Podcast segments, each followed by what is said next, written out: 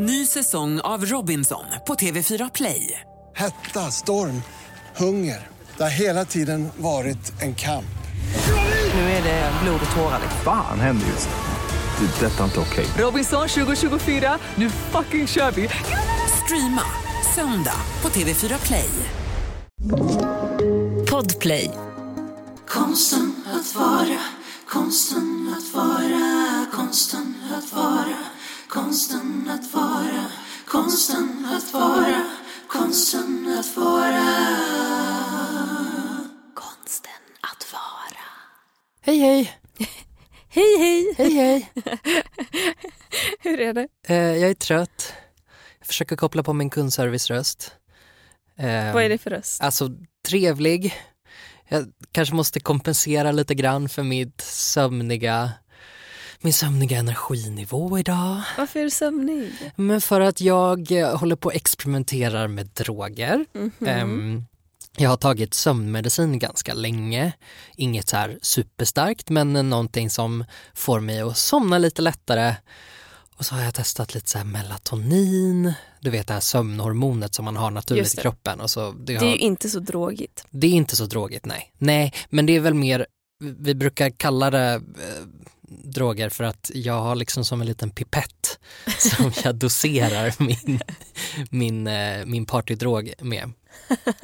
Eh, och nu så de senaste nätterna så har jag testat att somna utan det för att jag har varit sugen på att försöka komma tillbaka till att kunna somna och det är inte så lätt. Så jag tror att det är lite därför jag är trött för igår kväll så kunde jag inte, eller typ fyra, fyra nätter i rad. Så första natten låg jag vaken till tre, andra natten somnade jag vid halv två och sen var det typ vid tolvtiden och då var jag jättenöjd och då hade jag gått och lagt mig vid tio. Och igår kväll så blev det en sån där lite halv, ehm, alltså att man ligger och halvsover lite.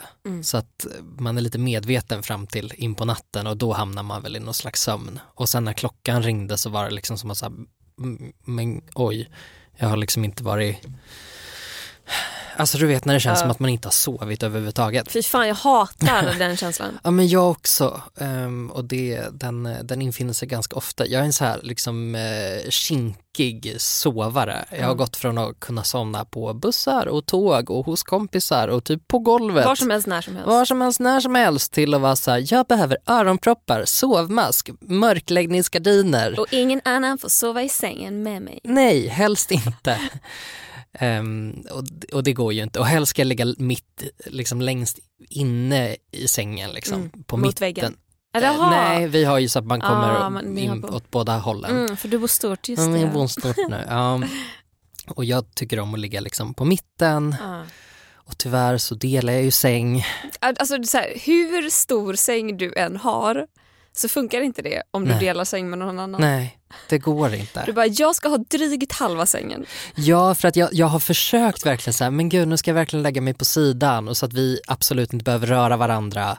Vill Eh. Albin inte, eller vill du inte röra? Nej, jag vill inte. Okej, mm. Jo, Albin vill. Okej. Han vill, liksom, han vill ju typ kramas till sömn. Så jag är så här, nej alltså jag kan inte ha liksom stimuli på två timmar innan jag ska somna. Du kan liksom inte, om du rör mig vid lilltån så kommer jag så här, ah, ah, och så vaknar jag till och så, ja. Så. Eh, så han är inte helt nöjd med det här arrangemanget. Nej, men vi sover fortfarande i samma säng i alla fall. Och Men- det är inte alla som gör. Nej, och I stand. Alltså, är det någonting som är vidrigare än att inte kunna sova så är det att inte kunna sova för att det är för varmt. Mm. Alltså det är det värsta som finns. Alltså, Mm. Man känner sig så instängd. Det är som Mm. att man ligger med ett Alltså eh, som att taket trycker på en på något sätt. Alltså det är som att det är ett lock på en och man bara ligger där och lider. Men jag har jobbat fram en sån himla konstig grej med täcket också, att det måste ligga på ett väldigt specifikt sätt, lite som ett höftskynke på de antika grekerna. Sover jag liksom med, med täcket bara lite så mellan låren och sen bara upp över liksom höften. och det är det enda som kan röra min kropp liksom. Och så vill jag gärna ha en kudde mellan knäna. Eh, ja, så det var den långa historien om varför jag är trött idag. Hur mår du? Jag mår bra, jag är också lite trött. Eh, och det är som att jag, jag förstod att jag var trött när vi började prata om trötthet. Men jag har precis varit ute och sprungit, eh, det var superduper varmt, det var jättejobbigt. Men det, det gick helt okej. Mm. Gjorde det. Det Det, det. det roliga var att vi håller på att spela in ett eh, program för Youtube. Jag tror inte jag får säga vad det är. Eh, men det handlar om... Surprise, surprise! Surprise! Det är hemligt. Big surprise!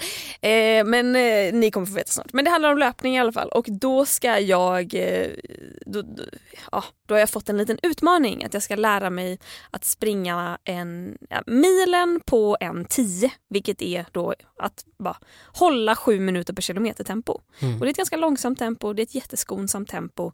Det är ett tempo som jag kommer klara Vasaloppet galant på. Alltså det, det är bara bra, bra tempo att träna in i kroppen och hålla. Och, och så sprang jag den här rundan och sen spurtade jag liksom sista biten hem. För jag insåg att så här, jag kommer landa på prick en timme sju minuter om jag tar i nu sista kilometern. Så sista kilometern i det här vädret, alltså vi, vad är det för väder ute? 28, 28 grader och sol? Eller Ah, något Alltså det är varmt, super sommarvarmt. varmt. Ja. Så jag tryck på då sista kilometern på milen. Kom hem på liksom prick 1.07, pusta ut, blev så jävla glad tills jag insåg att så här, 1.07 är inte målet.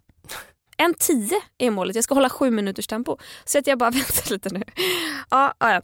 Och, och det här eh, förstår jag låter kanonnördigt och att ingen bryr sig ett skit och att det är liksom tre minuter hit eller dit Klara, vad spelar det för roll? Jo, men det var viktigt för mig och jag skrattade gott åt att jag eh, hade tagit så fel på vad mitt mål överhuvudtaget var. Det var tokigt. Ja, det var riktigt det var tokigt. riktigt tokigt riktigt, riktigt tokigt. Så tokig blir man när man börjar löpträna.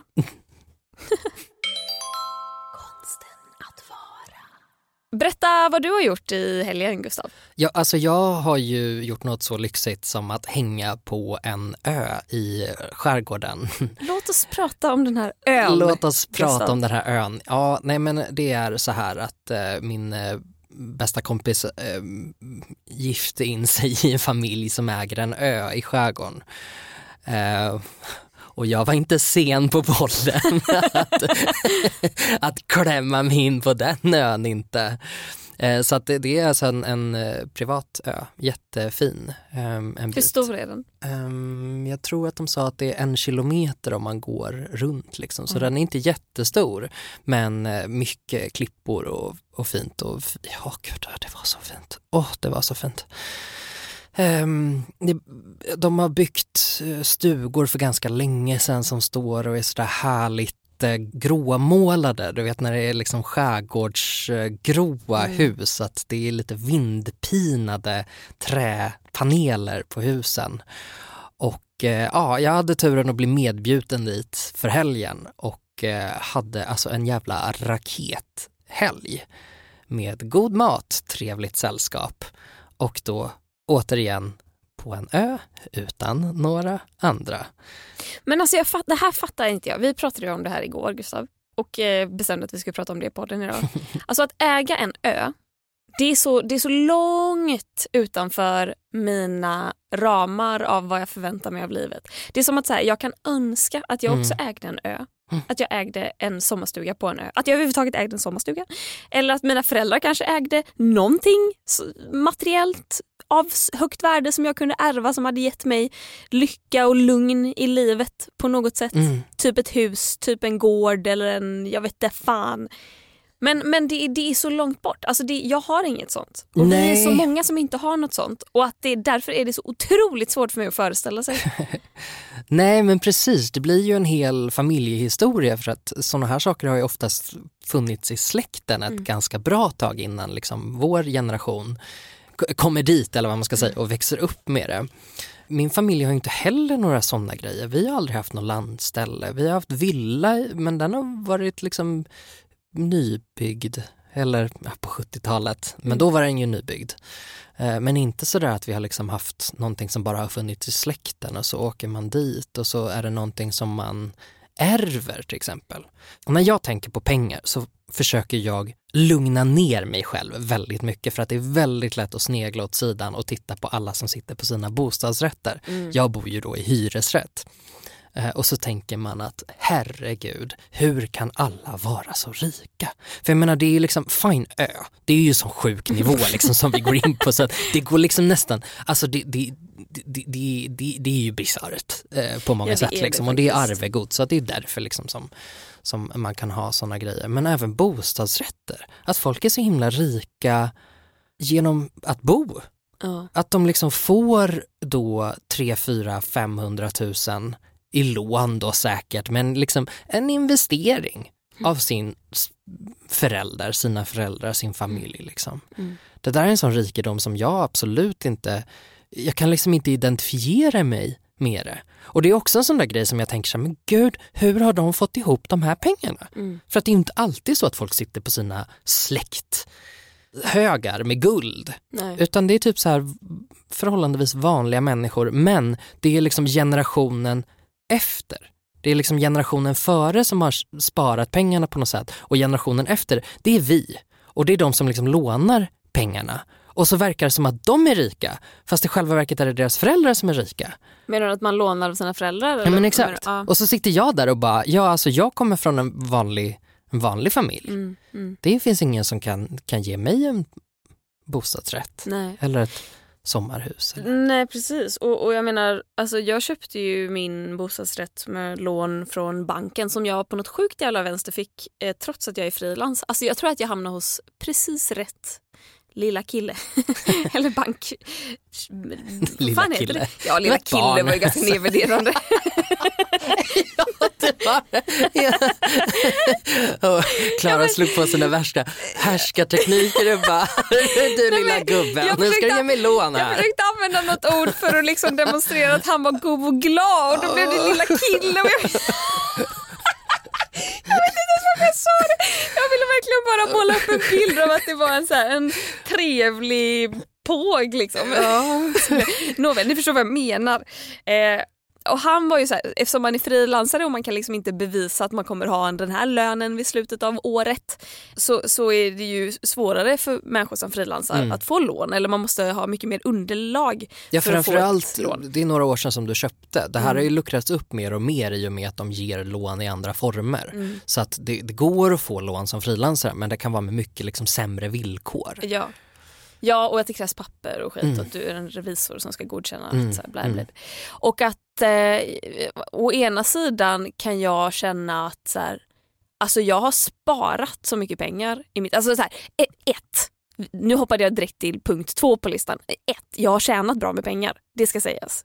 Det, jag har inte haft det knapert i mitt yrkesverksamma liv har jag inte. Men två, jag har sparat så jävla mycket pengar. Jag har inte köpt så mycket grejer. Jag har varit jätteduktig på att spara. Så jag har liksom sparat ett, eh, en handpenning.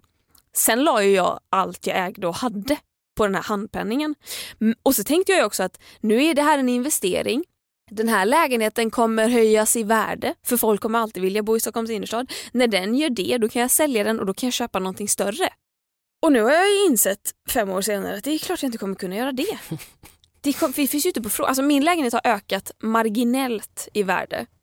Men det, det är ju fortfarande inte så att jag kan liksom sälja min lilla tvåa. Alltså det, jag vet inte om det räknas som tvåa eller en och en halva men sälja den och köpa en trea plötsligt. Nej. För då ska jag ju upp liksom två miljoner från det jag har nu. Det är de här sjuka nivåerna också som folk köper lägenheter och hus för. Men det är ju det som är så bisarrt. Att så här, våra föräldrars generationer kunde göra sånt. De kunde göra bostadskarriär. Vi kan inte det. Vi sitter liksom i en sits där det är vår, alltså generationerna ovanför oss som har liksom skapat en välfärd i Sverige, att vi tjänar pengar, att vi har en god ekonomi. Jadi, jadi. Och sen sitter vi här som ett resultat av det där vi, många visserligen kan liksom låna pengar av sina föräldrar men vi kommer aldrig på egen hand att kunna skapa den ekonomiska trygghet som våra föräldrar kunde bygga upp för sig själva. Jag vet inte, alltså så här, mina föräldrar, säkert dina föräldrar, säkert många andras föräldrar gjorde en sån jävla klassresa på typ 80-90-tal. Mm. Att man, började, man kom från så här knegarhem från gamla sosse-Sverige och så plötsligt så blomstrade svenska ekonomin och att man kunde klättra i karriären, man fick mer och mer betalt, man kunde köpa en tomt och bygga sig en villa. Eller man kunde köpa det där lilla lantstället eller man kunde köpa den där ön, man kunde köpa en övernattningslägenhet i Stockholm. Men vi kan inte det. Nej, den möjligheten finns inte Det- det finns på inte samma på sätt för att det kartan. krävs sådana enorma resurser för att göra det.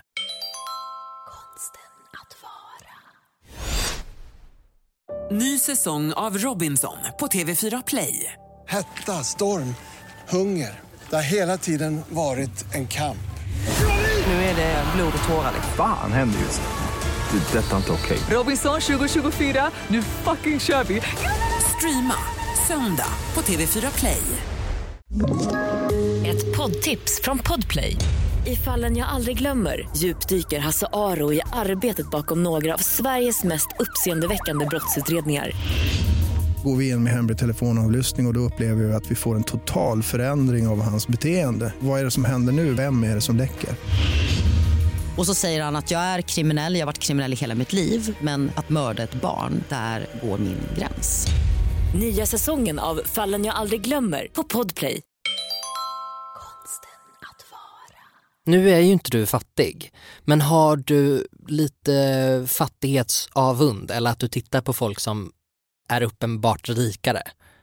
Ja, jag kan fråga som så här, tittar du på folk som är fattiga och är avundsjuka? Hörru du lilla killen, ska jag berätta för dig att jag tjänar så jävla bra. Ja, alltså jag, kan, jag, jag har absolut ett, eh, ett avund för eh, rika personer. Mm. Att jag kan, jag kan önska så innerligt att jag hade så mycket pengar att jag inte behövde bry mig. Mm. Eh, och att jag kan, jag kan bli så, och det är hemskt, jag skäms för det här, men jag kan bli så missundsam mot människor, inte människor som är rika egentligen för det, är liksom, det kan jag inte se vid första anblick. Men kanske människor som har ärvt en ö. Mm. Eller typ så här, jag, en, en bekant som är världens trevligaste bjöd in till lite så häng på sin innergård. Och så visade det sig att lägenheten hon bodde i var liksom hennes förälders gamla övernattningslägenhet på, alltså jag vet inte hur många kvadrat. Fem rum liksom. Mm. Och det var hennes nu liksom. Och, man, och en bostadsrätt. Och att man bara, hur är det möjligt? Och då var väl den jättebillig liksom på 80-talet. Men nu är den ju värd jag vet inte hur många miljoner. Och att jag skulle så gärna vilja känna, åh, alltså vilken, vilken tur du har haft. Vad glad jag är för din skull. Mm. Men det tar lite tid för mig att komma dit. För att jag, är så, jag kan bli så djupt avundsjuk. Mm. Och tänka, shit vilken trygghet du har haft och vad orättvist Ja, det är. jo men absolut, absolut. Jag tror att jag har nog, jag har nog varit väldigt avundsjuk tidigare och jag får aktivt jobba emot den. Mm. Det här är liksom, jag har absolut dagar när jag tittar på folk, jag följer ju mycket inredning och sånt på Mm. Instagram liksom. Och eh, ja men det finns dagar som jag bara, hur i helvete har du råd att köpa de här grejerna? Hur har du råd att hålla koll på de här trenderna? Och i de flesta fall så behöver man inte gå så långt utan man ser ganska tydligt att ja, det kommer från dina föräldrar. Mm. Eh, för det är många som jag följer som är såhär, nu är vi i vårt sommarhus. Så tittar man på sommarhuset och bara, jag känner igen den där kudden. Den där kudden kostar 6 000 kronor på Svenskt Tenn. och ni har den i ert sommarhus. Och då är det på en sån nivå som jag så här, jag kan dels inte jämföra mig med den yngre personen i ekvationen, den jag faktiskt följer. För att det är så här, du har ju fått det här. Mm. Och, och jag är inte så nära dem så att jag kan känna att jag blir direkt avundsjuk så. Och så har jag väl jobbat fram något slags skydd, att jag direkt tänker att så här, det är inte konstigt att de här människorna har typ den här goda smaken eller vad man ska säga som det på något sätt blir om man är uppvuxen i en fantastisk miljö där det är en takhöjd upp till liksom fyra meter och man har möjlighet att liksom köpa en sån lägenhet därefter. Man blir inte lika imponerad då när man Nej. tänker att det är lite medfött. Inte så att de inte har väldigt god smak för det finns ju människor som har fruktansvärt dålig smak och har massa pengar. Alltså snackar vi liksom. typ inredningssmak nu? Ja, och, och, och kläder skulle jag Ja. väl säga. Och även mat. Livsstil Ja. kan man väl säga. Mm. God, för god smak kan jag ofta klumpa ihop med pengar liksom. Mm. För att man på något sätt har råd att köpa de här dyra grejerna som kanske gemene man inte känner igen men som någon som är lite intresserad spottar direkt och bara oj jävlar, den ligger i ditt semesterhem. Ja. Ja, och, och jag känner ju verkligen att så här, jag, det jag blir avundsjuk på är ju inte pengarna per se. Det är ju inte möjligheten att kunna köpa en, ett kuddfodral från Svenskt Tenn eller möjligheten att köpa en sekelskifteslägenhet Mm. med högt i tak. För ja, det hade varit jättetrevligt att, att bo med liksom 3,5 meter i takhöjd. Men, men det hade inte gjort mig lycklig utan det är ju tryggheten på något sätt som jag blir så Ja, avundsjuk på. Det är, det är liksom vetskapen om att medan jag härvade runt i åtta olika lägenheter under tre år i Mm. Stockholm så hade du ditt på det torra Mm. och du behövde inte oroa dig. Och, och att veta att så här, skulle någonting skita sig, ja men då finns det pengar för att laga det eller lösa det eller ordna det. Och det har jag inte heller haft utan jag har byggt upp mitt egna kapital. Jag har alltid kunnat höra av mig till mina föräldrar, såklart. Men de har inte haft hur mycket pengar som helst och jag skulle aldrig jag skulle aldrig kunna Nej. med samvete låna en stor summa från dem. Alltså jag, hade inte, jag, hade, jag vet var de kommer ifrån, jag hade aldrig gjort det.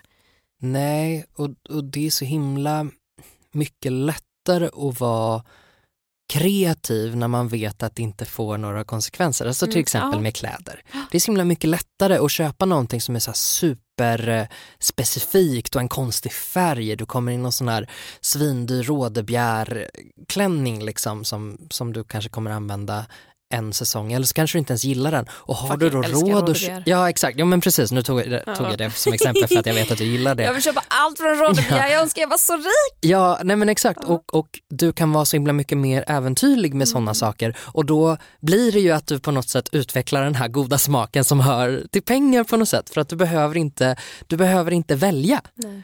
Eh, Nästa, du kan sälja de här grejerna.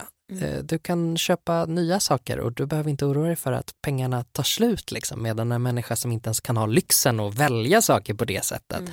Det är ett sånt himla privilegium. Eh, Och så fort jag liksom kommer på mig själv med att börja eh, bli avundsjuk så brukar jag liksom slå mig själv på fingrarna lite grann att så här, du kan inte jämföra med det där. Det går inte. Mm. Det är så himla skilda förutsättningar. Det går inte att jämföra dig om jag då som inte befinner mig liksom i bostadsrättsmarknaden utan på hyresmarknaden liksom. Du vet, jag börjar tänka så här, men gud nu är jag 30, är liksom, har jag missat min chans att köpa en lägenhet? Och så börjar man tänka att man ska göra en sån där jävla bostadskarriär liksom. Mm.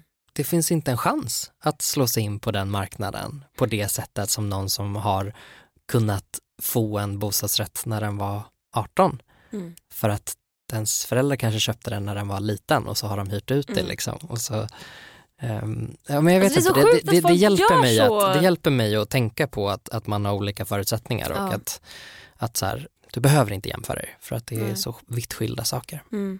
Verkligen. Konsten att vara. Ny säsong av Robinson på TV4 Play. Hetta, storm, hunger. Det har hela tiden varit en kamp. Nu är det blod och tårar. Fan händer just. Det. är Detta är inte okej. Robinson 2024, nu fucking kör vi! Streama söndag på TV4 Play. Ett poddtips från Podplay. I fallen jag aldrig glömmer djupdyker Hasse Aro i arbetet bakom några av Sveriges mest uppseendeväckande brottsutredningar. Går vi in med hemlig telefonavlyssning och, och då upplever vi att vi får en total förändring av hans beteende. Vad är det som händer nu? Vem är det som läcker? Och så säger han att jag är kriminell, jag har varit kriminell i hela mitt liv men att mörda ett barn, där går min gräns. Nya säsongen av Fallen jag aldrig glömmer på Podplay. Konsten att vara. Jag tänkte också på, ehm, jag läste något kort som Irena, hur uttal, vet du hur man uttalar hennes efternamn? Paparizzo, Nej, Irena. Irena, Irena Posar, Posar, vet inte vem det är. eh, Veckor, Veckorevyns chefredaktör. Mhm, ja okej, men nu känner- Fantastisk mm, ja. person. Ja, nu- ja, nu vet jag vem det är. Ja, Jättebra. Hon, jätte, jättebra. Och hon, hade, hon repostade någonting på Twitter eh, som jag bara alltså, såg medan jag scrollade förbi. Jag borde väl egentligen ha läst vidare. Men det är också så här, någonting som jag har läst så många gånger förut. Och det var någon intervju med någon som diskuterade det här med att Alltså våra föräldrars generation märker att vår generation och yngre är, vi är mer deprimerade, vi, eh, är, vi känner en hopplöshet, vi eh, jämför oss så mycket med alla andra. Det, det är mycket depressiva tankar kring folk i vår ålder. Och att man så lätt säger att så här, men det är väl inte så konstigt när ni har vuxit upp med Facebook och Instagram och Snapchat och ni har ju inte gjort någonting annat än att jämföra er med varandra och, och eh, jaga likes. Så stäng av mobilen och gå ut och andas en stund så kommer allting bli bättre. Man bara nej! Det har inte med det att göra. Det har att göra med att du växte upp i ett hem där ni kunde liksom, så här, du har gjort en ekonomisk raketkarriär och du liksom bor tillsammans med en annan och ni, ni gemensamt tjänar svinmycket pengar så ni kunde liksom anlägga en pool på eran baksida och ni bor i ett hus strax utanför liksom den här stora staden. Och ni har så mycket, ni har den tryggheten. Ni har skapat den tryggheten för er själva. Och vår generation har inte den ekonomiska tryggheten, för vi tjänar inte tillräckligt mycket. Alltså vi, vi, vi tjänar inte liksom i takt med inflationen på något sätt. Mm. Vi har inte jobb, för det är svårare att få jobb. Ja, vi, vi stressade som fan, för vi har ingen framtida trygghet. För vi håller dessutom på att förstöra jorden med diverse utsläpp. Mm. Och jag tror fan inte att sociala medier är problemet. Jag tror att vi behöver så mycket mer bara trygghet och stabilitet i våra liv. Mm. Och det stod det om, det, det, det stod det om i den här artikeln som Mm. jag läste. Spännande. Konsten Eh, moment of the week, Gustav, har du ett sånt? Ja, jo, men det har jag och då måste jag ju faktiskt ta den här helgen som, som exempel och det är framför allt när jag ehm, jag, eh, ja det är ett bebismoment igen, det var för fan förra veckan också. Men eh, Sofie har ju, ja Sofie och Simon då som jag var och hälsade på på ön, de har ju en bebis som fyller sex månader Förra veckan, ja. Förra veckan vid den här tiden eh, så fyllde han sex månader och eh, jag fick hänga med honom lite mer än jag brukar eh, då den här helgen på ön. Och jag är så förälskad i det här barnet. Alltså jag är så kär i honom. Han är så fantastiskt gullig. Och han gillar mig. Så mitt moment är väl kanske direkt när vi eh, hoppar på båten för att åka ut till ön. För att då så är Sofie och Simon lite nybörjare på den här båten och så här vi behöver nog fokusera på typ köra och liksom ta oss fram. De har inte åkt med den tidigare så det här blir liksom jungfruresan. Så de bara, du kan ta Harry och jag bara, absolut, jag tar Harry och typ, alltså praying inuti för att jag har ju skrämt livet ur barn. Alltså på senaste, när liksom så här, men en nära kompis fick ett barn som, alltså hon skrek så mycket när hon såg mig. Alltså, så att det Men blev... du vet inte vad du gör för att skrämma livet ur dem? Du Jag bara, har en- du bara, Jag har en teori om att, om att eh, de känner på sig när jag har ångest. Jag tror att de blir oroliga då. Jag tror inte de gillar det. Jag tror att de liksom känner att jag De är inte är, hästar. avslappnad. Ja exakt, de, jag tror att de känner att jag inte är så avslappnad. Och jag, för jag har inte varit det med barn och deras föräldrar och liksom jag blir lite rädd att jag ska göra fel och så blir jag rädd att de inte ska gilla mig. Och då blir det typ, jag, jag, jag tror att det är typ det. Ja. Så, och jag har haft mycket ångest när de, surprise också. Eh, och nu har jag inte det i samma utsträckning längre så att jag tror att det är därför bebisar gillar mig mer. För att jag tror att jag är, är lite gulligare mot dem snarare än kommer som så här åskmoln och bara mår dåligt. Alltså det är kanske inte så konstigt Nej, att alltså, det låter fullt rimligt faktiskt. Nej men exakt, det kanske inte är så himla konstigt Du är att lite mer likeable. Ja men lite mer likeable tror jag. Eh, så jag fick ta med mig honom ner i, eh, i båten och sitta med honom, alltså och det här lilla underverket i sin flytväst som bara tryckte ihop hans kinder som fick liksom sådana kerubkinder. Och, eh, och han var jättelugn och jättefin och jättehärlig att att vara med och bara liksom sitta och så somnade han lite grann och mm, nej men det var, åh det var så himla Gosigt. härligt. Nej men alltså min livmoder gick sönder. Mm. Eh, jag bara, men jättebra, nu skaffar vi barn, alltså nu. Kom hem till Albin och bara, barn! Och han bara, mm, inte just nu kanske. eh, nej men så det var jättehärligt. Så det är faktiskt mitt Mys. moment. Mhm. Bebis igen. Ja, bebis igen. Vart ska det här sluta? Gud, är inte det så jävla heteronormativt? Jo, ganska. När hon fyllt 30 och jag bara bebisar, älskar the straight life. Yes I do. Det är visst tid att ändra sig Gustav. Ja det, vet, det, ska gud, det ska ju gudarna veta att, att jag har ändrat mig mycket angående barn och jag hatar ju fortfarande småbarnsföräldrar förutom jag de jag känner då. att du har fortfarande tid att bli straight. Om Jaha, vill, du tänkte om du vill så. liksom avla. Ehm, ja, conversion. Conversion therapy, am I right? ja. Jag ska höra av mig till min psykolog och fråga om hon erbjuder den Om hon kan rekommendera Något bra. någon som kan driva demonerna ur dig. ja, exakt. Ursäkta, en exorcism. Ja. ja, nej men så det var mitt. Hur, ehm, hur, hur har du haft det? Vad har du för moment? Nej men mitt moment är att jag från ingenstans har blivit en jävla legend Straight. i köket. Ja, nej tyvärr. Nej, ja. Eh, inte straight men straight up genius if I may. eh, jag har bakat och inte bara en gång utan två nej men gånger. herregud. Ä- Är det kolasåsen vi närmar oss? Ja. Åh! Alltså Gustav Hjärnan Jernberg. Jag har bakat twice inom loppet av en vecka. Det ena var en rabarberpaj.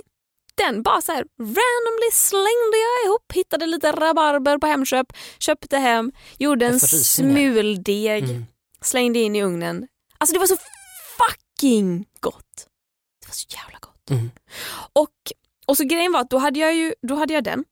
Den åt vi med vaniljvisp men också med följande tillbehör som egentligen hörde till det andra jag har bakat, vilket är en dessertpizza. Och då hade jag redan en färdig deg. Men vem fan bryr sig om att den var färdig? Det vet jag hur man slänger ihop den för det har jag gjort tidigare. Men just den här fick jag, den fick jag så den var färdig. Så då liksom bara så här, mm, platta upp den på lite mjöl, slänga in i ugnen och medan den gräddas på för övrigt en pizzasten. Vill bara få det sagt. Va, vadå, hem, hemma hos... Nej. Jo, jo, jo. Alltså man köper en sån, eh, en sån, alltså det är som en sten, typ en rund stenplatta och så lägger man bara den i ugnen, sätter på mm, 225 grader, låter den bli Jag är varm. så imponerad. Du. Är det du som har köpt den här eller är det din eh, tjej som har? Jag har fått den. Av Men- henne?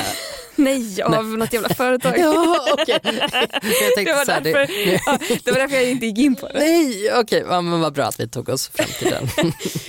Eh, och eh, så... Eh, och medan pizzan var i ugnen så gjorde jag ett rårörda jordgubbar. Hade jordgubbar som jag liksom skärde i, i, i fjärdedelar, la i en skål, rörde runt med socker, mynta, citronzest, citronsaft. Fick det gotta till sig. In i kylen, tog fram eh, crème fraîche, vispade det så att det blir fluffigt. Först blir det lite rinnigt men sen om man fortsätter vispa så blir det fluffigt. I med Philadelphiaost, vänd runt. I med citronzest, jättemycket, vänd runt. I med lite Baileys om man vill det. Vänd Om det runt. bjuds. Om det bjuds. Eh, och eh, vad fan hade jag mer i? Det var nog fan det. Lite socker tror jag det var. Och så bara gå, gå, ihop till en god liksom, gräddig kräm typ. Mhm. Och sen så gjorde jag en kolasås på brynt smör, eh, så musk, vad, heter, vad heter sånt brunt socker? Det heter något så här. Farin? Nej det var inte farin, det heter Nej. någonting på M. Mm, mm, mm. Skitsamma. Något, något brunt socker, grädde och så havssalt. Alltså den kolasåsen Gustav den blev så fucking god! Nej, alltså jag förstår det. Åh, och det sen så, syntes på den. mm, och sen kluttar man ut det här om vartannat på den här pizzan. Mm. Och sen så åt vi också rabarberpajen med kolasåsen och Philadelphia-krämen.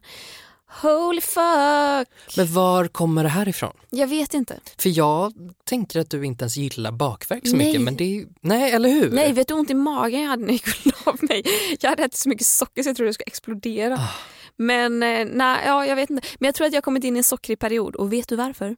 För att du har varit deppig. Eh, delvis. Men också delvis för att jag är på inspelning och där finns alltid ett fikabord. Såklart. Och på fikabord Ja. finns alltid godis. Och i de första tre dagarna är man så duktig, då plockar man ingenting. Men sen, Nej, men sen man står för man ju där efter 11 timmar Mm. och tredje dagen i rad. Japp. Det är klart som in i helvete att Plockar man, man faller sig. för det. Det börjar med en liten daim va? Ah. Sen så, det är bara inkörsporten Ja, till grövre saker det. som rabarberpajer och dessertpizzor. Du kanske också behöver en exorcism. Jag tror det. Conversion therapy. Se till om du hittar den bra. Ja men det, det gör jag. Ska vi tacka lite patrioner då? Det ska vi Lite kavgudar som skänker oss eh, pengar Mm. för att vi ska kunna sitta här och podda på Helio. Våra 10 dollars patrons heter David Brostedt, Humlan, Elinor Johansson, Sara Perjons, Stephanie Stettina, Knut, Hedda Lindström, Lolo Fat, Joakim Gustafsson och Isabelle. Drömmänniskor. Mm. Tack till eh, till resten också. Ja, det går att resten av skänka jättelite pengar. Ja. Man behöver inte skänka 10. Gå in på Patreon. Patreon.com slash konsten att vara. Mm. Tack för den här veckan Gustav. Tack så jättemycket Klara. Tack till Helio där vi poddar. Vi uppskattar att vi får vara här. Tack till Dava som klipper. Vi hörs om en vecka. Det gör vi. Puss hej. Hej då. Konsten att vara, konsten att vara, konsten att vara, konsten att vara, konsten att vara, konsten att vara. Konsten att vara. Podplay. Poddtips från Podplay. I podden Något Kaiko garanterar östgötarna Brutti och jag, Davva, dig en stor dos skratt. Där följer jag pladask för köttätandet igen. Man är lite som en jävla vampyr. Man har fått lite blodsmak och då måste man ha mer. Udda spaningar, fängslande anekdoter och en och annan arg rant. Jag måste ha mitt kaffe på morgonen för annars är jag ingen trevlig människa. Då är du ingen trevlig människa, punkt. Något Kaiko, hör du på Podplay. Därför är gardinerna.